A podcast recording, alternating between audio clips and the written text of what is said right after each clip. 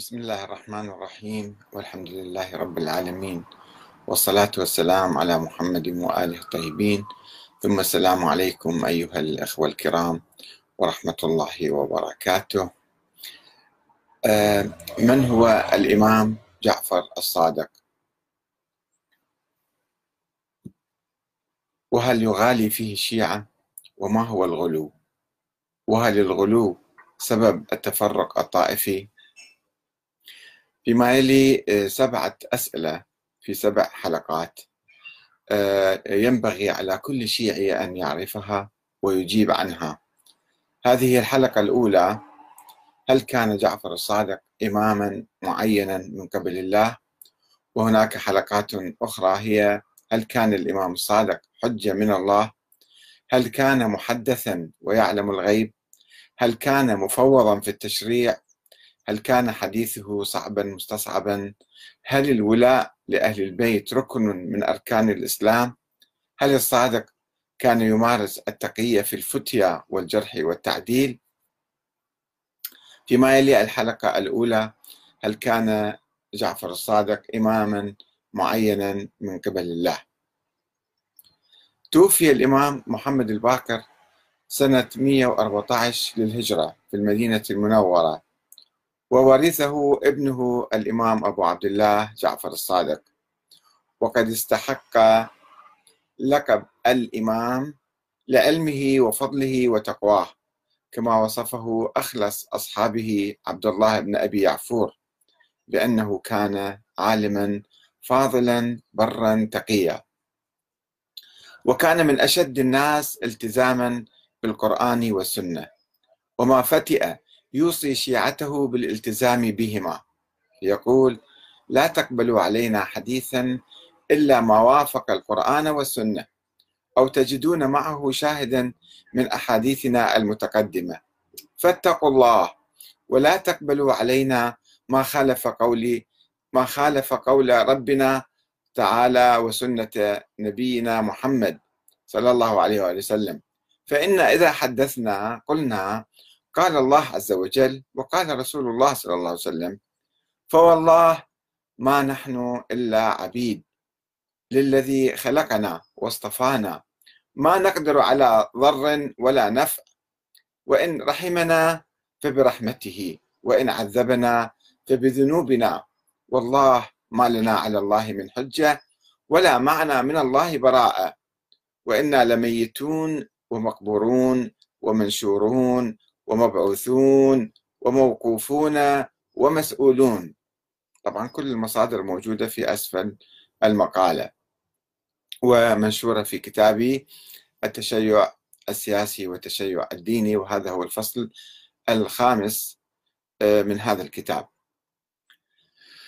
وأن كل ما كان يشكل ميزة خاصة للإمام الصادق عن غيره من الزعماء هو العلم المستند إلى مجموعة من الكتب الموروثة عن آبائه وأجداده.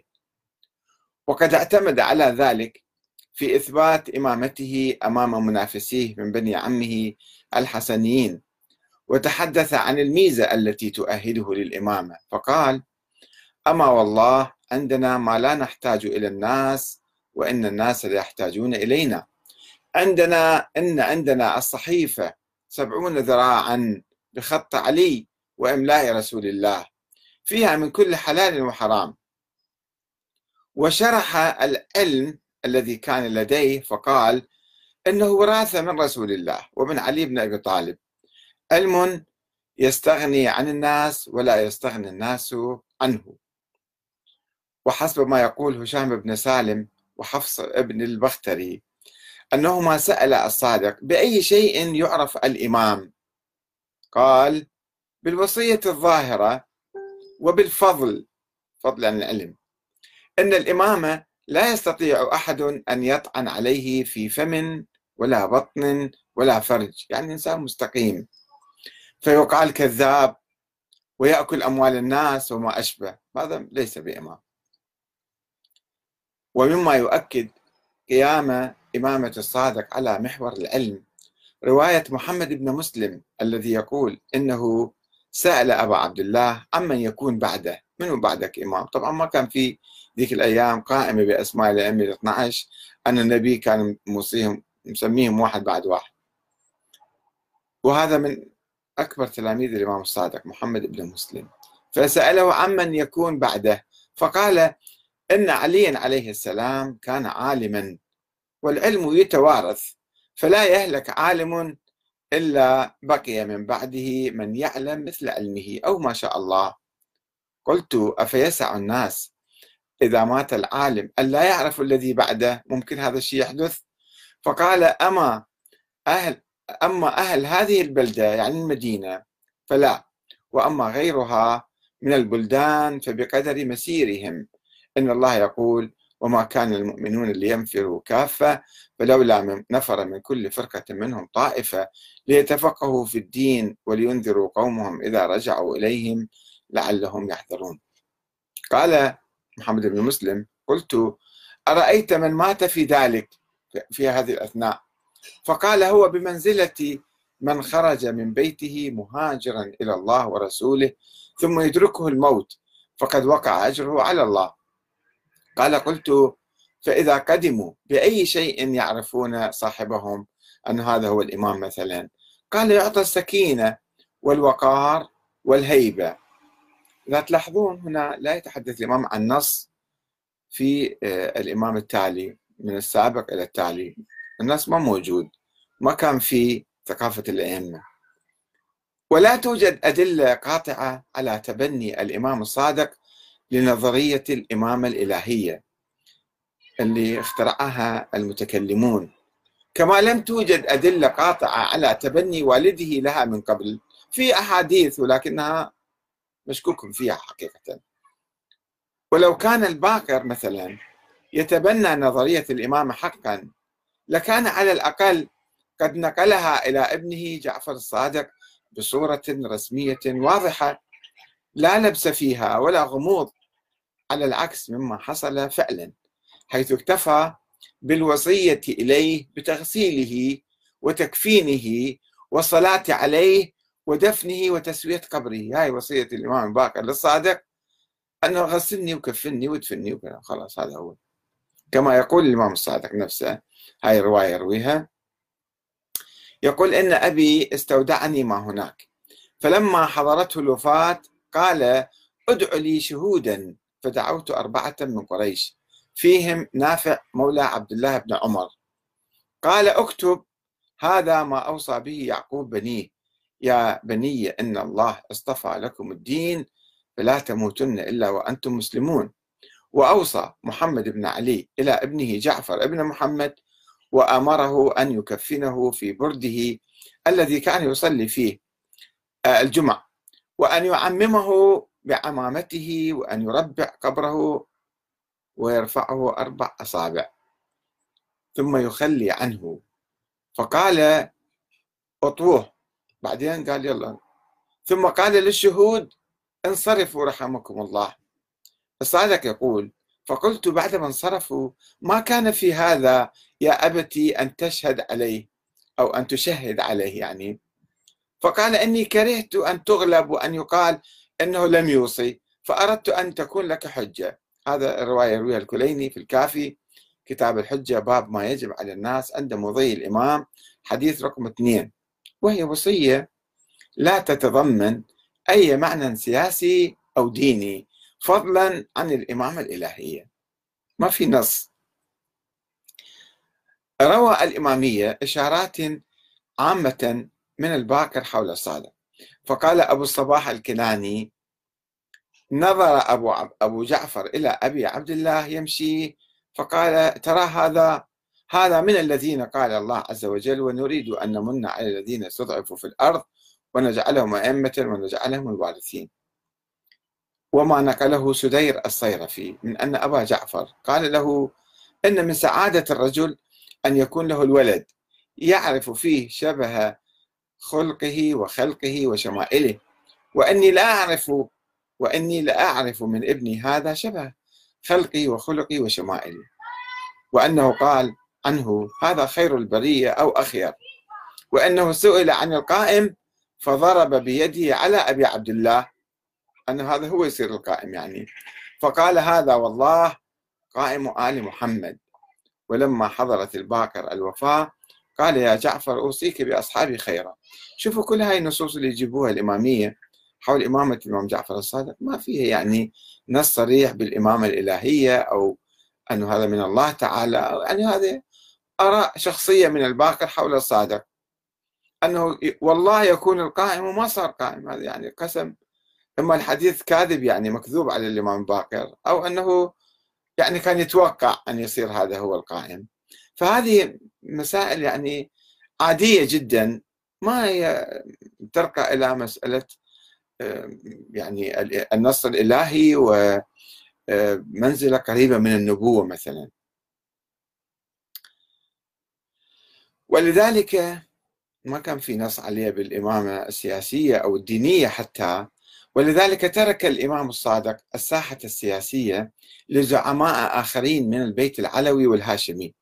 فتقدم عمه الإمام زيد بن علي ليفجر سنة 122 ثورة في الكوفة ضد الخليفة الأموي هشام بن الحكم.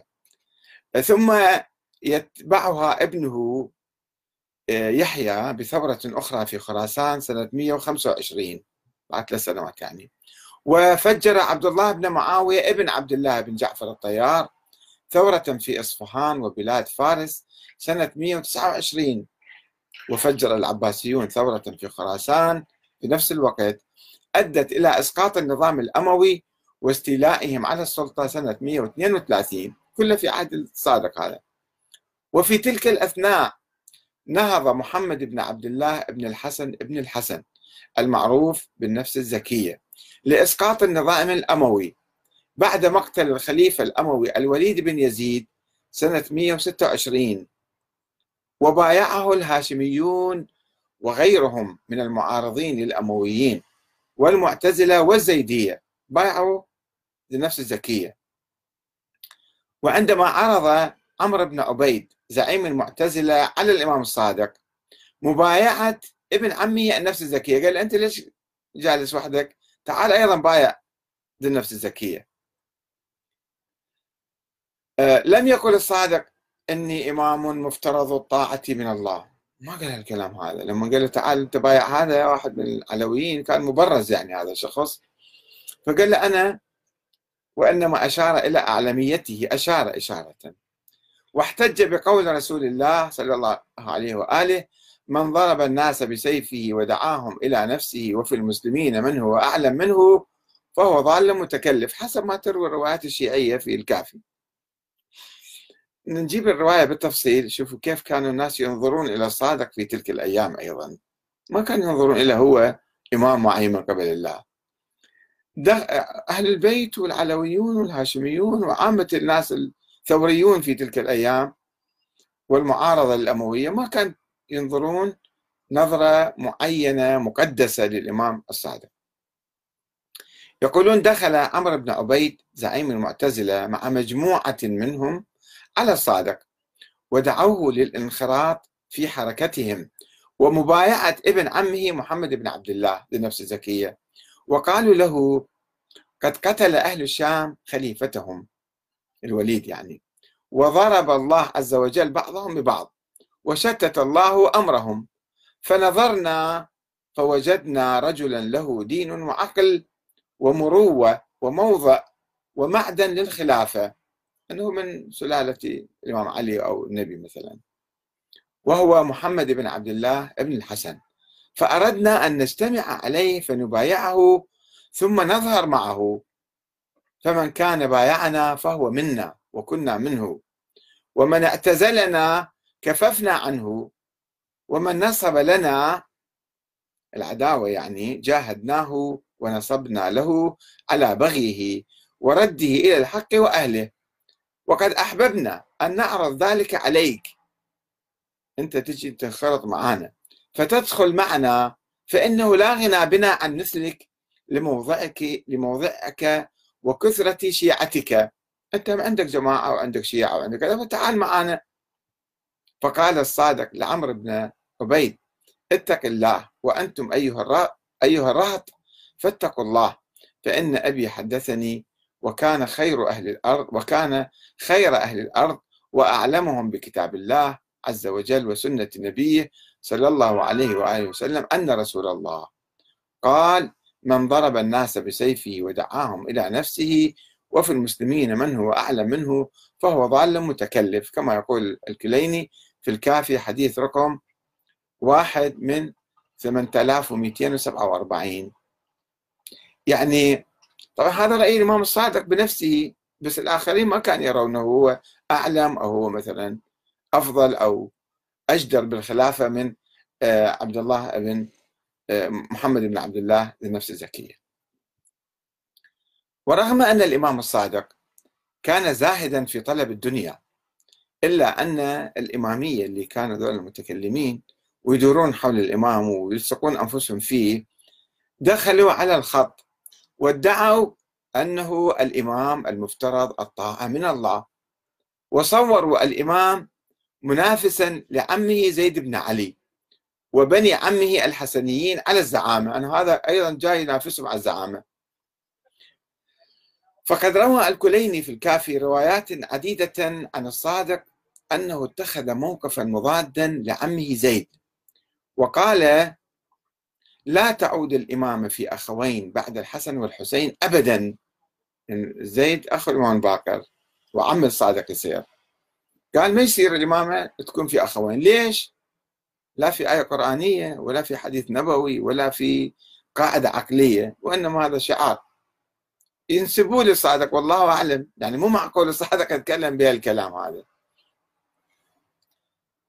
إنما جرت من علي بن الحسين. كما قال الله تعالى وأولي الأرحام بعضهم أولى ببعض في كتاب الله. هذه في الآية في الإرث يعني مو في الخلافة والسياسة والدين. فشنو اللي ربطها بالموضوع؟ أيضا يعني استدلال ضعيف جدا. فلا تكون بعد علي بن الحسين إلا في الأعقاب وأعقاب الأعقاب. تسلسل الإمامة واحد بعد واحد في الأعقاب وأعقاب بالذرية. وأبى الله أن يجعلها لأخوين بعد الحسن والحسين. كيف؟ كيف عرفنا الله يعني أراد ذلك؟ وأبى الله أن أن تكون يجعلها لأخوين. ولا تجتمع الإمامة في أخوين بعد الحسن والحسين إنما هي في في الأعقاب وأعقاب الأعقاب. هاي كلها أحاديث يذكرها الكليني من الإمامية اللي كانوا ينقلوها عن الصادق. وطبعا هذه سوت مشكلة للإمامية فيما بعد. لأنه عبد الله الأفطح اجى بعد الصادق ومات بسرعة فراحوا الأخ وصارت أزمة كبيرة في الفكر الإمامي عدة أزمات عدة مرات يعني وليست مرة واحدة ولكن هذا يجيبوها دليل على أن زيد مو إمام ليش؟ لأنه أخو الباقر وإذا أخو الباقر يعني إيش يصير؟ شنو المشكلة في ذلك؟ ولكن يقولون يعني ينافس الصادق زيد فطرح هذا الفكرة لأول مرة يعني.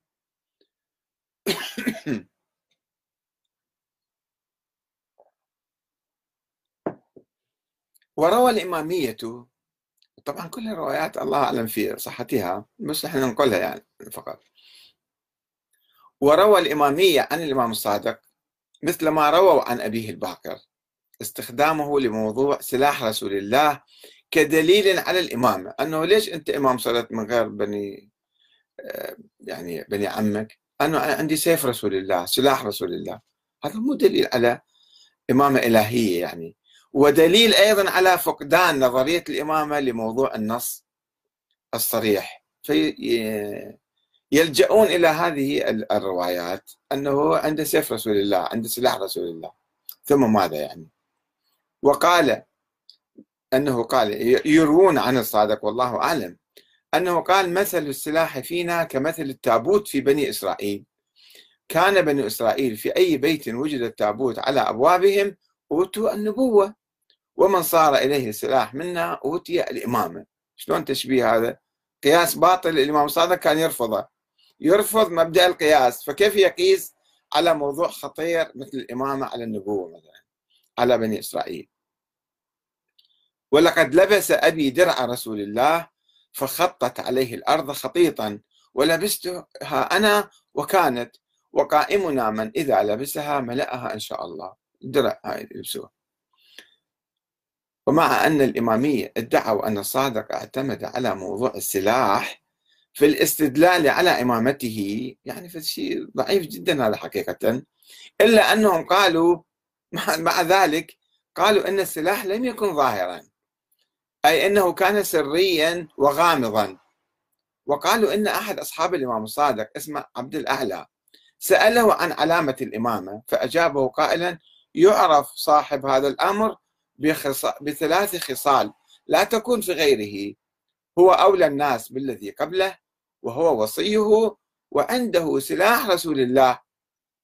هذا دليل على الإمامة عنده سلاح رسول الله. فقال عبد الأعلى إن ذلك مستور مخافة السلطان. وينه شو من شوفه يعني هذا السلاح؟ ليش ما تظهره؟ قال لا يكون في ستر إلا وله حجة ظاهرة. عنده في شيء علامة ثانية. إذا السلاح المدعى في في يعني تكوين إمامة الإمام الصادق الإمامة الخاصة الإلهية هذا هذا السلاح ما موجود ما معروف. وربما حتى آه، آه، عبد الله محمد بن عبد الله ذنب زكي أيضا كان يدعي أنا ما عندي سلاح رسول الله. شلون تثبت هذا؟ هذا عنده وذاك ما عنده.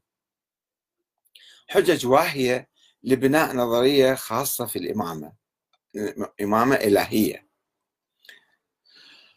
نجي على الإمامة الإلهية وقال الإمامية إن الإمامة أمر إلهي وإن تعيين الإمام الجديد يتم بتدخل من الله تعالى وروى عمرو بن الأشعث أنه سمع الإمام الصادق يقول لعلكم ترون أن هذا الأمر إلى رجل منا يضعه حيث يشاء؟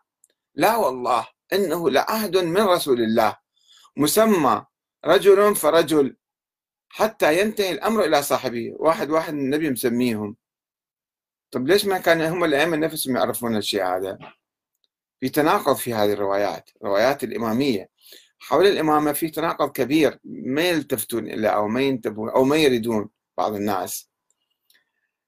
إيه، يقول آه، وأنه قال ما مات عالم حتى يعلمه الله عز وجل إلى من يوصي لأنه مو كان معروف عند عامة الشيعة ولا حتى الإمام الصادق كان يعرف من هو الإمام بعده. يقول يروون رواية عنه أنه ما مات عالم حتى يعلمه الله. كيف يعلمه الله؟ ينزل عليه وحي؟ هذا من أقوال الغلاة. آه، إلى يعلمه إلى من يوصي. وهو ما وصى. وصى إلى إسماعيل وإسماعيل مات. وما وصى بعد إلى أحد. اجى مكانه عبد الله الأفطح ابن الأكبر. وهذا مات ورا سبعين يوم. ثم راح الشيعة وقعوا في حيرة ثم ذهبوا إلى موسى بن جعفر. فأين وصية الصادق إلى من بعده؟ وأيضا يروون عنه أنه قال لا يموت الرجل منا حتى يعرف وليه. هو ما يعرفه أول. بس إلى أن يموت قبل ما يموت يعرف منو راح يجي بعده. وهذا الشيء ما حدث وما عرف الصادق منو راح يصير بعده إمام. وحديث آخر هاي كلها في الكافي موجودة. لا يموت الإمام حتى يعلم من يكون بعده فيوصي إليه. وين وين الوصية؟ وين الإمامة؟ ما في. شو آه إسماعيل مات وعبد الله مات بعده والامامه غامضة كانت. هذا كما في الكتاب الكافي كتاب الحجة باب إن الامام يعرف الإمام الذي يكون بعده حديث رقم خمسة وستة. وتقول بعض الروايات أن الإمام الصادق أن الإمام الجديد نفسه لم يكن يعرف أنه سيصبح اماما إلا في وقت متأخر. مو بس أبوه ما يعرف هو ما يعرف. عنده أبناء كل إمام عنده أبناء عديدون مثلا فما يدري يا هو يصيروا وهم ما يعرفوا منو راح يصير إمام فآخر لحظة راح يعرف هذا. كما في هذه الرواية المنسوبة للصادق أنه سئل متى يعرف الإمام أنه إمام صار إمام؟ فقال في آخر دقيقة من حياة الأول في آخر دقيقة. وأحيانا يموت فجأة وما حد ما يعرف شنو صار فيه مثلا. هذا كما الكليني في الكافي كتاب الحجة باب وقت ما يعلم الإمام جميع علم الإمام الذي كان قبله. حديث رقم ثلاثة والصفار في بصائر الدرجات جزء عشرة باب ثلاثة. آه، والخوئي في معجم يعني في روايات كثيرة أنا ناقلها ونصوصها موجودة. فشوفوا الإمامة كانت غامضة حتى الأئمة نفسهم ما يعرفون لمن يوصون ومنو راح يصير إمام وهو ما كان فأين القائمة بالاثنى عشر؟ فهذه كلها آه، أدلة على أنه نظرية الإمامة مفتعلة ومختلقة وملصقة وناس يسوون أحاديث ينسبوها للإمام الصادق. فهل كان الإمام الصادق إماما معينا من قبل الله؟ هل يوجد عليه نص؟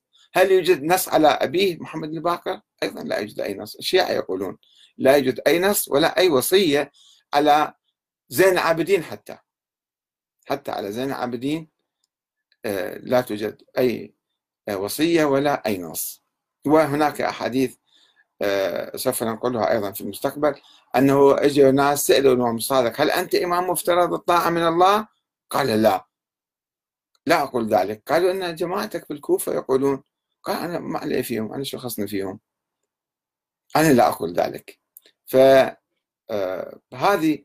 النظرة إلى الإمام الصادق أنه إمام معين من قبل الله هي نظرة مغالية في الحقيقة وغير واقعية وخيالية مثالية وهمية ونسبوها وعندما يرفعون الإمام الصادق إلى هذه الدرجة فإنهم بالحقيقة يشكون عصا الأمة. مثل ما يجي واحد الآن في مرجع عندنا مراجع مئات العلماء والفقهاء مثلا واحد يقول أنا عندي علاقة خاصة بالإمام المهدي مثلا.